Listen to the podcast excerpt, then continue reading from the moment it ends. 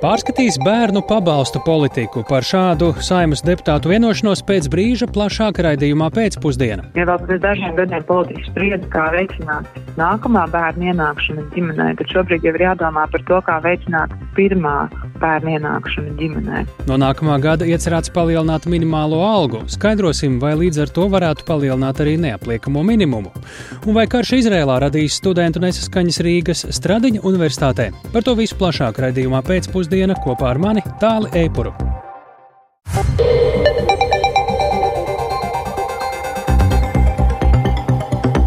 Pūkstens ir 16,5 minūtes, skan pēcpusdienas ziņu programma, skaidrojot šodienas svarīgus notikumus. Studijā tālāk Seipurs. Labdien!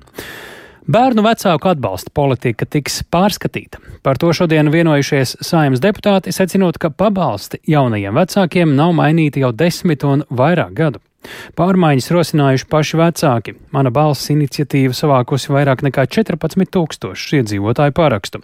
Visticamāk, izmaiņas varētu stāties spēkā no 2025. gada. Vairāk par tematu stāsta Paula Dēvica. Saimas deputāti un labklājības ministrija šodien apņēmās strādāt pie pabalstu palielināšanas.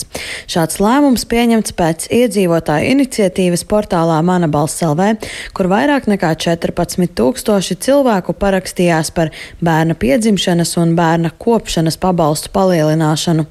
Piedzimšanas pabalsts nav mainījies jau kopš 2003. gada un ir 421 eiro, bet kopšanas pabalsts pēdējo reizi pārskatīts 2000. 2014. gadā un šobrīd ir 171 eiro. Iniciatīva pieprasa atbalstu pārreikināt atbilstoši esošajai ekonomiskajai situācijai. Vairāk stāsta organizācijas māmām un tētiem LV vadītāja Inga Akmentiņa Smildziņa. Ja vēl pirms dažiem gadiem politiķi sprieda, kā veicināt nākamā bērna ienākšanu ģimenē, tad šobrīd jau ir jādomā par to, kā veicināt pirmā bērna ienākšanu ģimenē. Un uh, vien vairāk ir tādu pāru, kuri atliek šo lēmumu. Un, nu, protams, ka saku, tāds viens pabalsts, no bērnu piedzimšanas pabalsta palielinās, tāpēc tas būs tas noteicošais. Protams, ka nē, bet ir ļoti svarīgi, jā, ka vecākiem nu, tiek mazinātas tās raizes par to, vai viņi spēs paši sevi uzturēt, vai viņi spēs tagad apkuri nomaksāt kredītus. Smildziņa arī skaidro, ka ir būtiski, lai bērna kopšanas pabalstu piesaista minimālajai algai. Savulaik 2014. gadā tieši tā tas ticis aprēķināts, taču kopš tā laika apmērs palicis nemainīgs. Cits aprēķina veids ir paredzēts tautas attaudzes stratēģijā, kur tas piesaistīts vidējai algu mediānai. Paredzēts, ka pabalsts atbilstu minimālajiem ienākumu līmenim, kas ir 40% no šīs Latvijas mediānas. Attiecīgi, tie ir virs 460 eiro 2023. gadā. Turpina sadarbības platformas Demogrāfisko lietu centrs vadītājs Imants Parādnieks no Nacionālās apvienības šis māmiņa algas, vecāku pabalstu un bērnu kopšanas pabalstu mērķis ir ienākuma atvietojamība. Nu, tad pamatā, protams, tas ir vecāku pabalstam, taču piedzimstot bērnam, nu, arī tiem, kuri nav veikuši sociālās iemaksas, ir jābūt pienācīgam apmēram lai varētu parūpēties par bērnu. Un tieši tāpēc uh, mēs piedāvājām risinājumu, ka, kam ir jābūt uh, balstītam uz objektīviem kritērijiem, nevis uz politisko gribu. Un šis objektīvais kritērijs, ko arī aprēķina katru gadu, aprēķina Centrālā statistikas pārvalde, ir tā sauktais minimālais ienākuma līmenis. Šobrīd pie konkrētiem priekšlikumiem strādā Labklājības ministrijā. Pēc ministrijas aprēķiniem, ja piedzimšanas pabalstu paceltu līdz 600 eiro, tad valstī gadā tas izmaksātu 2,7 miljonus eiro. Ministrijas parlamentārais sekretārs Rēnis Uzulnieks atzīst, ka tā nav pārāk liela summa.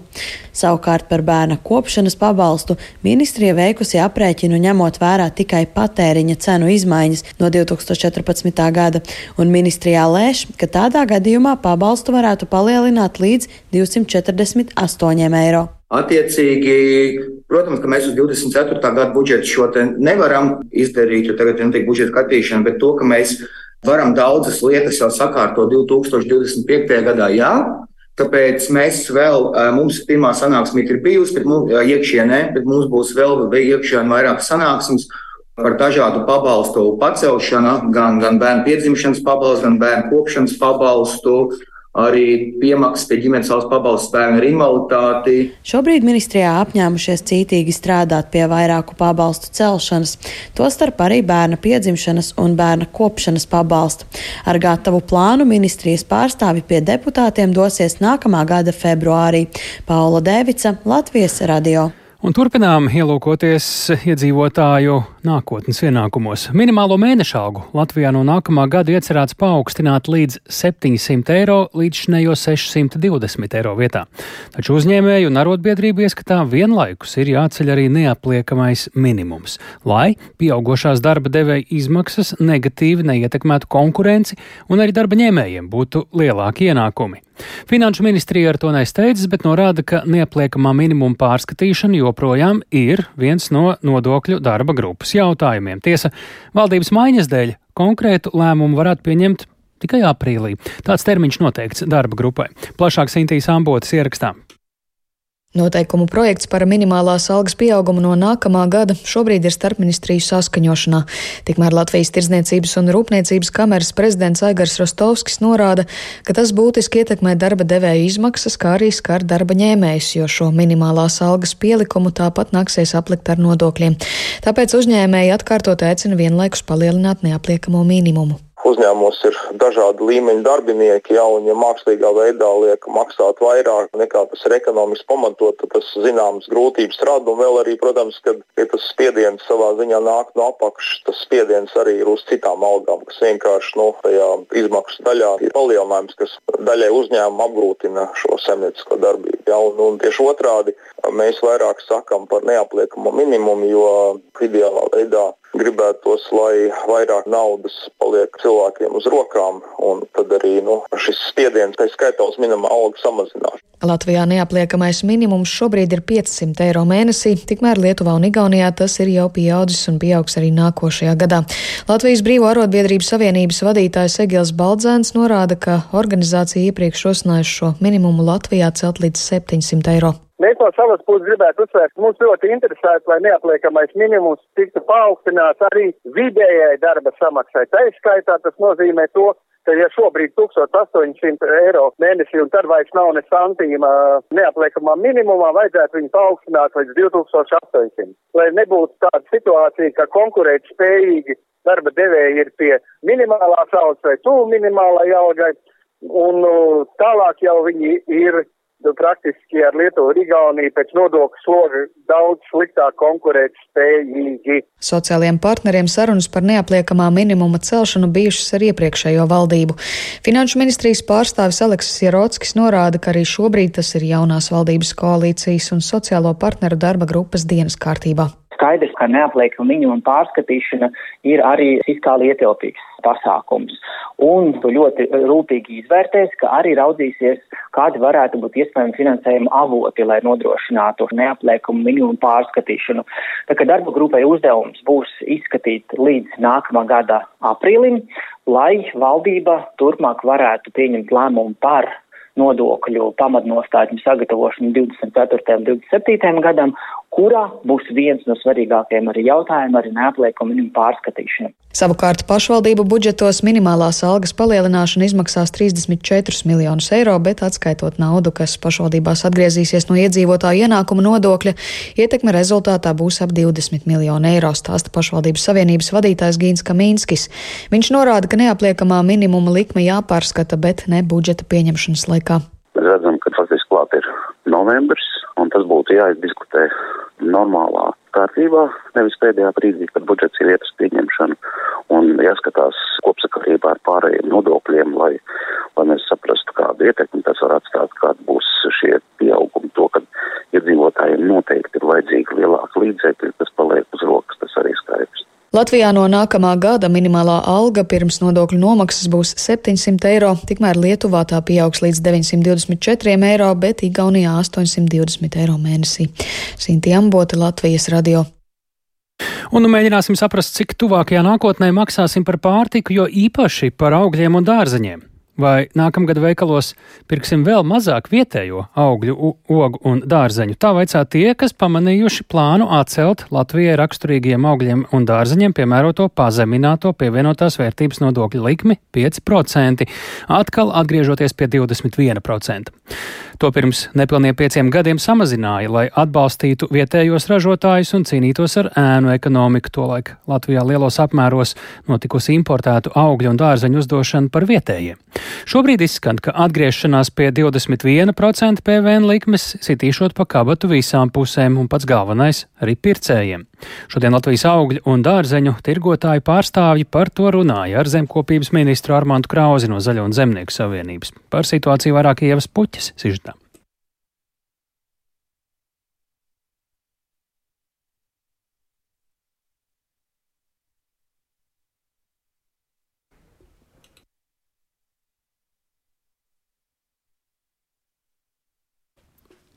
Šobrīd gaidām, kad sižets uh, būs elektroniski pieejams, un uh, drīz arī tam vajadzētu atskanēt. Spriežot par augļiem un dārzeņiem un nodokļu likmēm vietējai, vietējas izcelsmes augļiem un dārzeņiem, tūdaļ arī vajadzētu atskanēt šim ierakstam.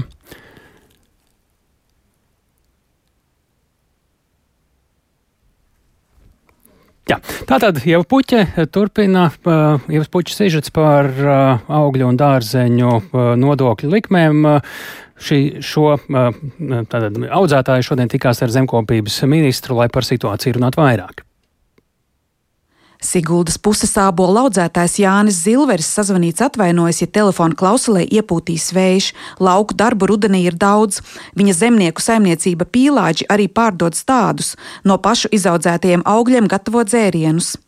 No šo nozaru peļņas valstī tiek 21% pievienotās vērtības nodoklis, bet vietējo augļu un dārzeņu pārdošanas likme pēdējos piecos gados bijusi samazināta - 5% nodoklis. Vai jūs to samazinājumu e, jūtāt? Jūtām gan uh, tirgū paši arī Nu, saka, nu, tas ir ne tikai mazumtirgu, arī vairumtirgu ar lielveikaliem strādājot un tā tālāk. Bija labāka visa šī sadarbība eh, ar katru gadu. Un uh, otrs, ka mēs apmēram tieši šīs arī PVN zaudēšanas dēļ varējām atļauties katru gadu tieši arī attīstībā apmēram 10 tūkstošus ieguldīt vairāk.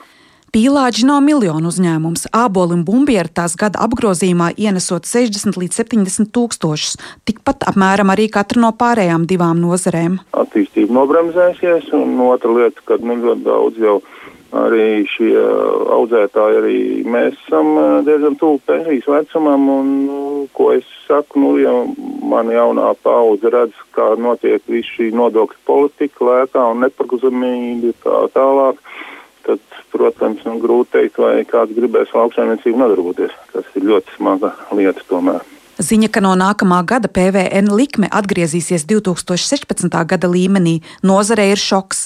Zilvers ir arī lauksaimniecības kooperatīva Zelta Ābele un Latvijas augļu kopju asociācijas valdē. Vasarā asociācija esot iepazīstināta ar zemkopības ministrijas informatīvo ziņojumu valdībai, kur rosināts pazemināto PVN saglabāt. Protams, šis pārsteigums bija ļoti negaidīts un nepatīkams. Līdz ministru kabinetam vasarā šis ziņojums nemaz nenonāca, apstiprina zemkopības ministrs Armāns Krause no Zaļo un Zemnieku savienības.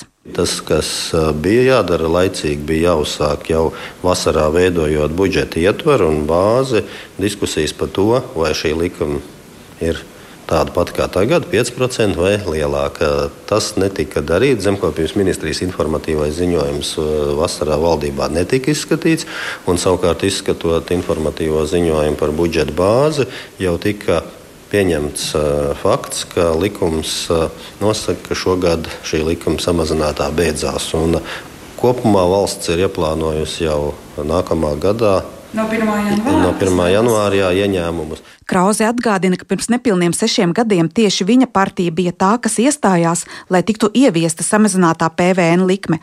Mērķis bija izskaust pelēko ekonomiku, aizstāvēt zemniekus, samazināt cenas iedzīvotājiem. Zemkopības ministrijas atbalstošais ziņojums vasarā nesot ticis aktualizēts arī valdības šūpošanās dēļ. Politiķis, kura priekštecis šajā amatā bija Digis Šmits no apvienotā saraksta, sarunā Latvijas radio atzīst, ka nozari vajadzētu atbalstīt vēl plašāk. Jūs uzskatāt, ka jāsaglabā samazinātā likme? Mans viedoklis ir, ka ne tikai augļiem un dārzeņiem vajadzētu, jo vajadzētu pamata pārtiks produktiem. Tas ir augļu dārzeņi, piens, maize un arī gaļas produkti. Tie ir tie, kuriem vajadzētu būt samazinātai likmei. Ir tikai dažas valstis, tātad Baltijas valstis, Dānija un Bulgārija, kur nav samazinātās PVN likums pārtikai. No nozares tikmēr ministram tiek pārmetumi, ka ministrs kā lauksaimnieku pārstāvis gan izprot situāciju, taču pārāk ieklausās koalīcijas partneros. Arī šodienas tikšanos ierosinājusi Latvijas augļu un dārzeņu tirgotāju asociācija, kas paziņojumā medijiem augļu un dārzeņu PVN atgriešanu sauc par spļāvienu sejā vietējiem zemniekiem. Arī pircējiem tas noteikti citīs pa maciņu, saka Sijā augļu servisa īpašnieks Zintars Āboms, kas pie nozares ministra viesojās kā augļu un dārzeņu tirgotāju asociācijas valdes loceklis. Un eh, skaidrs ir tas, ka pēc tā 1. janvāra, ja tiešām ir paaugstināsies uz 21%, viennozīmīgi cenas veikalos pieaugs. To redzēs jebkurš eh, patērētājs. Pieaugot cenām, visticamākais pirktspējas samazināsies. Tas nozīmē, ka apjomi, kas šobrīd tiek tirgoti, kritīsies. To izjutīs mēs gan kā tirgotāji, gan arī audzētāji vietējais. Nu, jo cilvēki varēs atļauties tik, cik varēs. Eh? Un runa tiešām nav par maizi vai makaroniem, bet par vietējiem augļiem, ogām un dārzeņiem, uzsver arī vietnē mana balss uzsāktā iniciatīva, kas aicina nepacelt PVN likmi šiem produktiem, lai vēl vairāk nesāsinātu dzīves dārdzības slogu sabiedrības mazaizsargātākajai daļai un arī popularizētu veselīgu dzīvesveidu Latvijas sabiedrībā. Ieva Puķa, Latvijas radio. Bet iespējamais nākamais polijas premjerministrs Donalds Tusks šodien Briselē ar Eiropas komisijas priekšsādātāju Jā, šis būs stāsts, par ko runāsim pēc brīža, bet šobrīd mums kāds aktuālāks temats, kas tepat Latvijā vēl vairāki Rīgas Stradiņu universitātes studenti no Izraels kopš kara sākuma ir saņēmuši naidu kurinošus tekstus un draudus, un tas novedis pie studentu nesaskaņām. Tā ziņo portāls TVNet, un viena persona arī vērsusies drošības dienestā, valsts drošības dienestā par antisemītiskiem izteicieniem un draudiem ar Izglītības un zinātnes ministriju, lai skaidrotu situāciju par iespējamiem konfliktiem un novērstu tās eskalāciju. Šos signālus nosaukusi par satraucošiem un jau sazinājusies ar Veselības, ārlietu un iekšlietu ministriju. Bet mums šobrīd pie klausulas ir Rīgas Stradiņa universitātes prorektors Guntis Baks par eh, notiekošo augstskolā. Sakām labdien! Labdienu. Kā jūs raksturot, par ko ir runa? Par kādu vienu atsevišķu gadījumu vai par eh, jau virkni situāciju? Runa ir par, par atsevišķu kopienu pārstāvju uztraukumu par mm, situāciju savā nu, tēvzemē, dzimtenē. Un par to, ka, kā jūs jau pilnīgi pareizi teicāt, vairāki no Izraels kopienas mūsu kolēģiem ir saņēmuši uztraucošus signālus Pagaidām uh, runa nav bijusi par fizisku, fiziskiem draudiem, bet gandrīz par, vairāk par, par morālu tādu. Bet kas uh, tieši ir noticis? Mutiski aizvainojumi vai kādas zīmītes vai kā, komentāri sociālajos tīklos? Jā, tie ir kādi komentāri, tie ir kāds e, kā e-pasts e ar, ar, ar kādu zīmējumu, kas aizvaino no šo, šo mūsu kopienas, Izraels kopienas kolēģis un tam līdzīgi. Un, mēs esam pārunājuši šos jautājumus, esam tikušies, esam snieguši savu paziņojumu, arī rektors ir sniedzis paziņojumu, kas ir ievietots universitātes mājaslapā.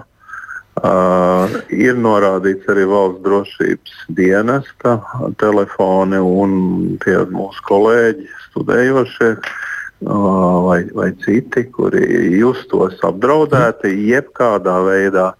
Viņi, viņiem ir nepieciešams griezties uh, drošības dienestā, un mēs aicinām to darīt. Kas, Mūsu, uh, kā, vai tiek pieņemti arī kādi lēmumi augstskolā par uh, sakām uh, attiecībā jā, lēmums, uz, paldies, kā jūs teicāt, kolēģiem, paldies. studentiem? Jā, paldies par jautājumu. Lēmums un attieksme ir, ir, ir viennozīmīga. Jebkura, jebkura, jebkuri draudi vai apdraudējumi vai aizvainojumi, nu, mūsu attieksme pret to ir nu, to, ko sauc par nulles toleranci. Mēs reaģējam uz visiem un reaģējam. Līdz ar to turpmāk. viņi turpina studijas vai kāds ir kaut kas mainās? Un, līdz ar to, jā, jā, piemēram, valsts drošības dienas atzīst, ka tiešām pastāv uh, kaut mazākie uh, draudi drošībai. Um, šādi studenti, vai pat varbūt kāds no pasniedzējiem, ja tas būtu tāds gadījums, uh, pie mums studēt vai strādāt, vairs nevarēs.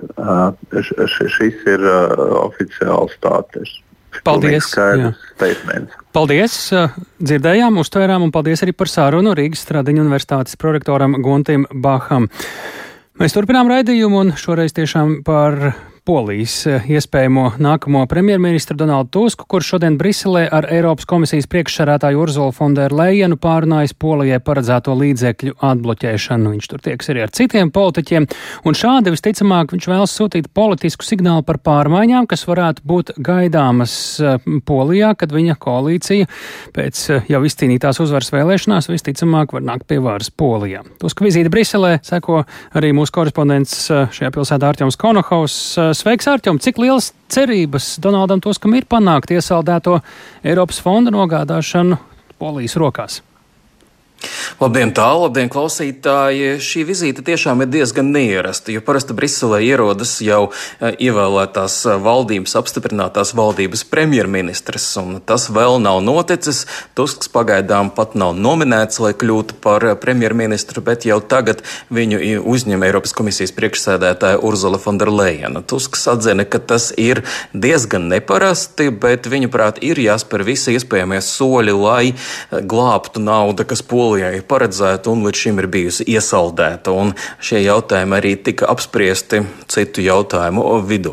Cik lielas cerības Polijas valdībai, topošajai valdībai šo naudu iegūt, šobrīd var tikai minēt, bet tas būs atkarīgs no reformām, ko viņi spēj spēs spērt. Un visvairāk jau tieslietu jomā un viss, visi jautājumi, kas saistīti ar tiesu neatkarību, jo Eiropas komisija ir izvirzījusi ļoti skaidrus kritērijus, kas tad būtu jāizdara. Un jau šobrīd, pat pirms valdības nominēšanas, tiek runāts, ka novembrī, kad sanāks jaunais polijas parlamenta sasaukums, varētu tikt gandrīz uzreiz lemts par vairāku konstitucionālās tiesas tiesnešu atcelšanu no amata, jo viņa pēc pēc eh, jaunā vairākuma domām šajā amatā ir iecelti nelikumīgi. Tas varētu būt jau tāds viens no pirmajiem soļiem, bet jebkurā gadījumā reformu jautājumos jaunus likumus būs jāapstiprina arī polijas prezidentam, un tur būs vajadzīga viņa piekrišana, kas nevienmēr tā var notikt. Jā, Arķom, ko tad mēs redzam, cik vispār ir vai varētu būt jaunā uh, polijas valdība un koalīcija vienota, jo medijos jau ir dzirdamas runas par zināmām domstarpībām uh, starp šīs uh, pagaidām vēl topošās koalīcijas partneriem.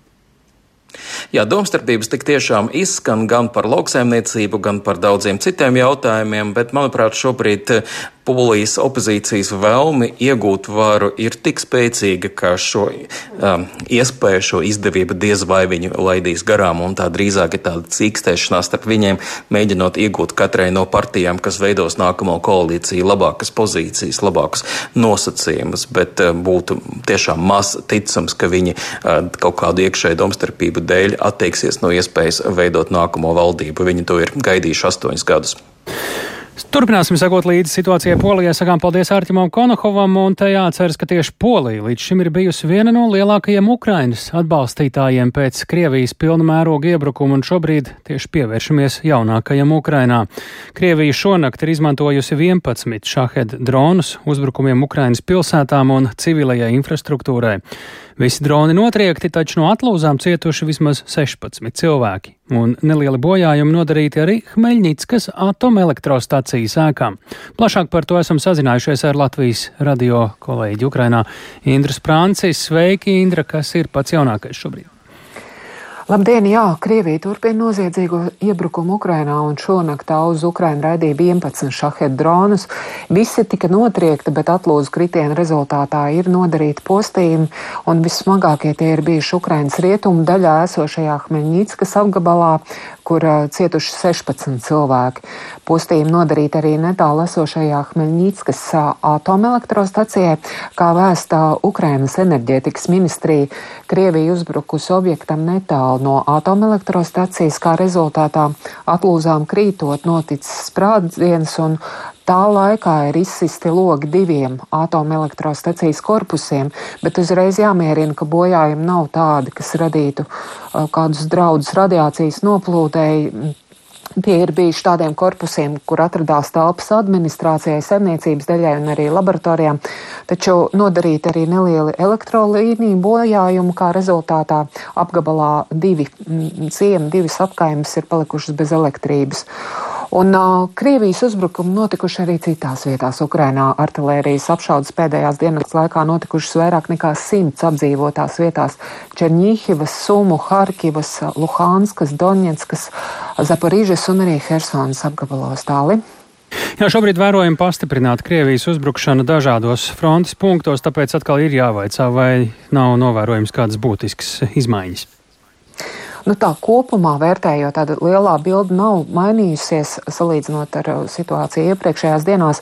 Kā ziņo Ukraiņas bruņoties spēki, turpinās ļoti sīvas kaujas, un pēdējo dienu laikā pienāk informācija par atsevišķu Ukraiņu vienību aktivitātēm Hersonas okupētajā daļā, tātad iemērnieku aizmugurē, taču arī tur detalizētāk nekas nav zināms. Uh, smagas cīņas joprojām turpinās ar divu, kas apkaimē, kur iebrucējs koncentrējas milzīgus spēkus un cenšas pilsētā pilsētiņa aplēkt, bet Ukraiņi sekmīgi pretojas. Un pēdējās dienās tur novērojams, ka samazinājusies cīņa uz zemes, bet Krievija palielinājas gaisa uzbrukums. Pēdējo dienu laikā vien tur nomestas ap 40 avio bombām. Bet Ukraiņu karavīri stāv kā mūris un Krievijas karaspēkam ir lieli zaudējumi. Un ļoti smaga situācija un sīvas kaujas turpinās arī Kupjānskas virzienā, taču arī tur Ukraiņi notur pozīcijas. Un um, smagās kaujas gan Avdīvkā, gan Kupjanskā uh, šodien pieminēja arī Ukrainas prezidents Volodimirs Zelenskis, norādot, ienaidnieks nešķirojot cenšas iznīcināt visu, ko spēj sasniegt, bet uh, atbildīgie dienesti strādā, lai postījums novērstu un palīdzētu cilvēkiem. Un šajā Harkivas apgabalā frontē pašos tuvākajos ciemos šobrīd arī turpinās iedzīvotāju evakuācija. Un paklausīsimies mazu fragmentiņu no Harkivas apgabalā militāru militārās administrācijas vadītāja vietnieka Jevgena Ivanova sacītā par to, kāda situācija ir šobrīd robežai tuvākajās apkaimēs По прикордонних громадах, зокрема таких як Вовчанська, Куп'янська, у нас Pierobežas kopienās tādās kā Volčanska, Kupjanska mums bija un šobrīd joprojām turpinās evakuācija. Tur joprojām ir iedzīvotāji. Tiem, kas tur paliek, tiek sniegta visa nepieciešamā humanitārā palīdzība, bet evakuācija turpinās un mēs uzsveram nepieciešamību evakuēties, īpaši ģimenēm ar bērniem no tādas kopienas kā Kupjanska. Сімей з дітьми такої евакуації з таких громад, як Куп'янська. Jā, un to, cik nopietna situācija ir, par to liecina arī tas, ka atsevišķās vietās Kupjanskas apkaimē notiek arī iedzīvotāju piespiedu evakuācija. Un, kā stāstīja Harkivas militārās administrācijas pārstāvis, tad kopumā pēdējā mēneša laikā kopš 23. septembra Harkivas apgabalā vien no pierobežas ciemiem ir evakuēti vairāk nekā 20 tūkstoši cilvēku. Paldies, tā Indras Prāncē tiešraidē no Ukrainas par uh, jaunākajiem notikumiem, bet Krievijas izvērstais karš Ukrainā un ar to saistītās sankcijas neapšaubām ir negatīvi ietekmējuši Krievijas ekonomiku, taču vienlaikus tā ir arī izrādījusi noturību un pielāgošanās spēju šo izaicinājumu priekšā. Tā šodien izplatītajā vēstījumā secina satvērsmes aizsardzības birojas, norādot, ka īstermiņā sankcijas nav veidojušas pietiekamu spiedienu, lai izšķiroši kaitētu Krievijas spējai mobilizēt ekonomiku tieši kara darbības turpināšanai. Tikmēr Krievijas opozīcijas politiķis, ekonomists un viens no tuvākajiem Aleksēna Vaļnija opozicionāra sabiedrotajiem Vladimirs Milovs Latvijas radio norāda, ka, lai arī Putina režīms sekmīgi apiet rietumu sankcijas un ir atradis jaunus tirniecības partnerus, piemēram, Āzijā, tā novēršot strauju Krievijas ekonomikas sabrukumu, šāds ekonomikas modelis nav ilgtspējīgs. Lūk, fragments no kolēģa Ulda Ķeizbēra sarunas ar Vladimiru Milovu. Uh,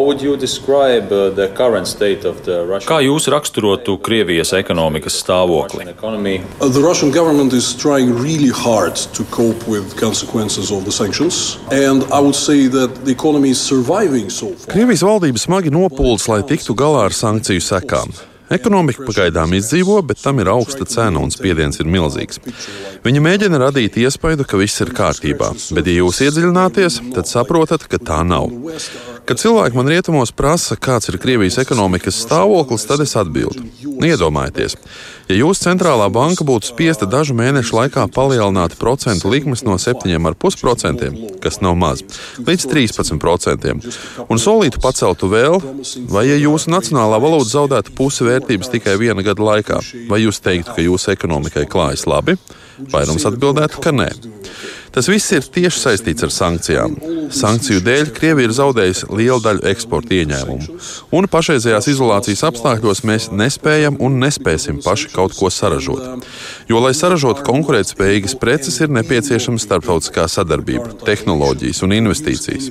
Tas nozīmē, ka mēs esam spiesti visu importēt no Ķīnas un citām valstīm par daudz augstākām cenām nekā tad, kad mēs tirgojāmies ar Eiropu un Rietumu demokrātiskajām valstīm. Sekas tam ir importa pieaugums pieaugums, eksporta ieņēmumu kritums, milzīgs spiediens uz rubli, pilnīga atkarība no patēriņa un rūpniecības preču importa. Rubļa devalvācija veicina augstu inflāciju. Centrālā banka ir spiesta celt procentu likmes, bet tas ir kā nogalināt izaugsmi, jo kredīti ir tik dārgi, ka tos neviens nevar atļauties ņemt. Tā ir kā lēna žņaukšana. Daudzi sagaida Krievijas ekonomikas strauju sabrukumu, bet tas nenotiks ātri. Taču pilnīgi noteikti notiks. Lēnām, bet pārliecinoši. Mēs esam nonākuši strupceļā, jo nav ekonomiskā modeļa, kas šajos apstākļos spētu virzīt valsti uz priekšu.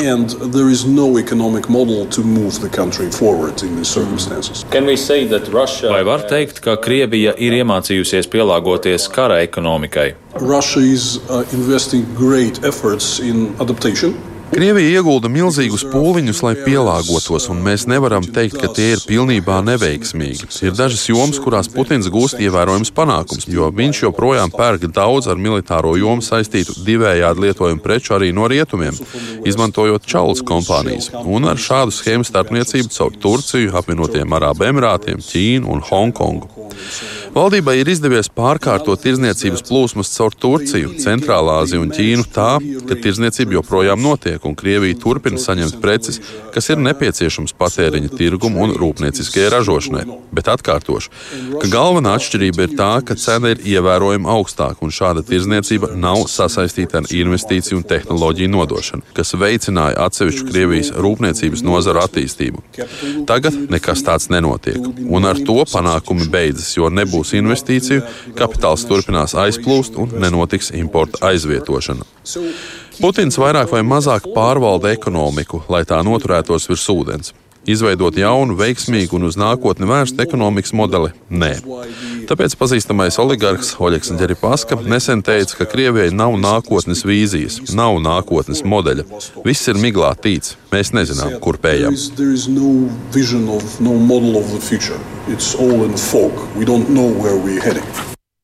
Par Krievijas sankciju ietekmi esam sazvanījušies arī ar Latvijas Universitātes biznesa vadības un ekonomikas fakultātes dekānu Gundaru Bērziņu. Labdien!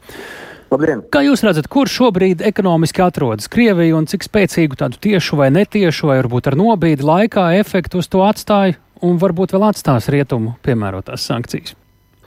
Nu, ja tikko intervijā dzirdētājā jau ļoti labi tas tika pateikts. Faktiski Krievijas ekonomika ir vērojama lejupslīde uh, un uh, teiksim, izaugsme, nākotnes izaugsmes trūkums ļoti skaidri iezīmējās. Bet tas, kā jau tika minēts, pilnībā nenoliedz to, ka Krievija ir pielāgojusi savu faktiski rūpniecību kara vajadzībām. Un tā ir tā milzīgā problēma, ar ko saskarās gan Ukraina, gan vis, šobrīd arī vispārējā pasaule. Jo, kā mēs redzam, ņemot vērā to, ka darba spēks un bezdarbs faktiski neaug, jo ļoti liela daļa cilvēku ir nodarbināti uh, faktiski šajā militārajā, ar militāro sektoru saistītajā um, rūpniecībā, plus uh, liela daļa no mm, finansējumi tieši šiem cilvēkiem nodrošina to, ka vidējais algu līmenis nekrīt. Un te nu mēs redzam, ka īstermiņā plānveida ekonomika, kāda šobrīd veidojas Krievijā, skara orientēta, var izdzīvot, bet tas nav ilgtermiņa risinājums. Mm -hmm. Vai jūs redzat, ka šādu sankciju apiešanu un šādu, šādā īstermiņa risinājuma apstākļos ir iespējams vēl kā ietekmēt rietumiem Krieviju, lai mazinātu tās militāro uh, ekonomiku? Nu, tas ir šī brīža situācija, un tā arī intervijā bija labi iezīmēts tas, ka tieši šis rubļa, uh, rubļa vērtības kritums ir saistīts ar to, ka uh, Krievijai ar vien labāk izdodas apiet sankcijas. Jo pieprasījums uh, pēc, rub, pēc importētas produkcijas ar vienu pieaug, un tam ir nepieciešams faktiski ārzemju valūta. Tāpēc arī valūtas, uh, valūtas kurses faktiski rublis krīt.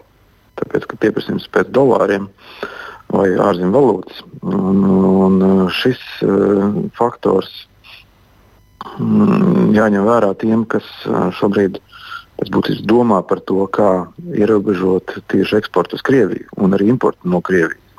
Līdz ar to mm, mēs ir objektīvi redzams, ka, ekspo, ka Krievija ir atradusi ceļus, kā apiet sankcijas. Uh, Jā. ar ierobežošanu neveicās tik labi, kā gribētos. Tas nu, ir arī redzams. Jā. Lielas paldies! Gunārs Bērziņš, Latvijas Universitātes biznesa vadības un ekonomikas fakultātes dekāns, spriežot par Krievijas, Krievijai noteiktajām sankcijām, to efektivitāti un situāciju Krievijas ekonomikā, bet Latvijas kausā futbolā šovakar lielais fināls un arī pašmāju futbola saldais ēdiens Rīgas derbijas. Tajā tiksies un trofeju sadalīs abi valsts šobrīd stiprākie klubi FC Riga un RFS. Kā ir ritējuši līdzinēji abu komandu šīs sezonas mači, kā arī par gaidāmo spēli, mēs vairāk sarunāsimies ar kolēģi Māri Bergu. Sveiks, Māri! Vai varam teikt, ka līdz Latvijas kausam finālā ir atlikuši tiešām tikai, tikušas tikai divas labākās komandas uh, Latvijas klubu futbolā šogad. Sveiks, tālāk, sveicināt klausītāji. Tā mēs noteikti varam teikt, un to brīnišķīgi ilustrē viens fakts uh, par to, kāds ir FC Rīga un RFS pārākums Latvijas klubu futbolā šobrīd. Otrajā vietā virslīgā esošā RFS komanda apsteidz trešajā vietā esošo Valmieru par 31 punktu. Tā ir desmit uzvaru tiesa un vēl viens neizšķirts klāt. Tā kā pārsvars ir tiešām milzīgs, un tās tiešām ir divas labākās klubu komandas Latvijas futbolā tieši šobrīd šajā gadā. Mm. Cik nozīmīgs Latvijas kausa kā trofeja vispār ir pašiem klubiem? Jo nu, lielajās futbola valstīs tas ir kaut kas ļoti svarīgs. Tradicionāli kausa izcīņa klubiem nav tik svarīga kā nacionālais čempionāts vai arī tie paši eiro kausi, bet tas nenozīmē, ka komandām kausa ir mazsvarīgs. Nē, tā nebūtu. Nē, tā tas nav. Trofeja ir svarīga, un ja tu esi ticis līdz finālam, tad, protams, gribi izcīnīt šo trofeju. Un tieši par to sarunā ar klubu pārstāvjiem runāja FC Riga galvenais treneris Tomislavs Stipičs, un viņu klausāmies turpinājumā. Is, is Klubam tā ir iespēja izcīnīt pirmo trofeju trīs gadu laikā, un mums tas ir svarīgi. Esam aizvadījuši neticamu sezonu, mums ir lieliska komanda un varam iegūt abus titulus. Protams, virslīga ir galvenais, un to sagaida arī kluba vadība. Sešus mēnešus esam bijuši pirmajā vietā, bet svarīgākais, kurš ir pirmais pēc 36 spēlēm, nevis 33. To lieliski apzināmies. Laukumā trešdien atdosim simtprocentīgi visus spēkus spēkus tā, it kā rītdiena neeksistētu. Cīnīsimies un mēģināsim uzvarēt spēli, lai varam svinēt un būt labākā noskaņojumā. Tomēr mums prātā saglabājas, ka uzvara virslīgā ir svarīgākais. In a small part of our head that championship is more important. Tālūk FC Riga galvenais treneris Tomislavs Stipičs. Protams, arī RFS komanda ir ļoti motivēta izcīnīt Latvijas kausu. Pērn viņi zaudēja finālā, piekāpjoties ķekavas audē. Visai negaidīts rezultāts pirms gada, un tieši ķekavas audas galvenais treneris pirms gada bija Stipičs. Viņš tātad ziemā nomainīja darba vietu. RFS galvenais treneris Viktors Moros sarunā ar Latvijas televīziju pauda, ka šis mačs būs starp divām līdzvērtīgām komandām un visu izšķirs nianses, un tam RFS arī gatavojas. Klausāmies Viktoru Morozu. Šajā spēlē, kad tikas divi līdzvērtīgi pretinieki, jebkura laukuma puse, gan jebkura situācija, mums jābūt gataviem tam. Un tāpēc mēs arī gatavojamies, lai visas tās mazas detaļas, kuras var kļūt arī par lielām, strādātu par mums. Tālūk, RFS galvenais treneris Viktors Moros par šī vakara spēli. Kā līdz šim šajā sezonā abiem klubiem RFS un uh, FC Riga ir veicies savstarpējās spēlēs? Četras spēles, četri neizšķirti. Šodien neizšķirti nebūs. Kāds uzvarēs? Vai tas būs pēc 90 minūtēm, vai papildu laikā, vai 11 metru sitienos, bet kāds šodien uzvarēs? Paldies Mārim Bergam! Tik tālu par uh, Latvijas futbolu šobrīd centrālo notikumu. Latvijas kausa futbolā fināls Rīgas derbijas, divi Rīgas uh, un arī Latvijā šobrīd spēcīgākie klubi, bet šis bija ziņu raidījums pēcpusdiena. To veidoja Tālis Eipurs, Lauris Zvejnieks, Kaspars Groskops, Rīta Kārnača. Ja vēlties šo raidījumu noklausīties vēlreiz, tveriet pēc uh, Latvijas radio mobilās lietotnes, un tur arī varat dalīties ar to arī ar citiem. Nu, un, protams, meklējiet dienas ziņas arī lielākajās raidierakstu ierakstu platformās, un mēs tiekamies kā katru darba dienu. Tas nozīmē arī rīt pēc ziņām 16 un 5 redzījumā pēcpusdienā.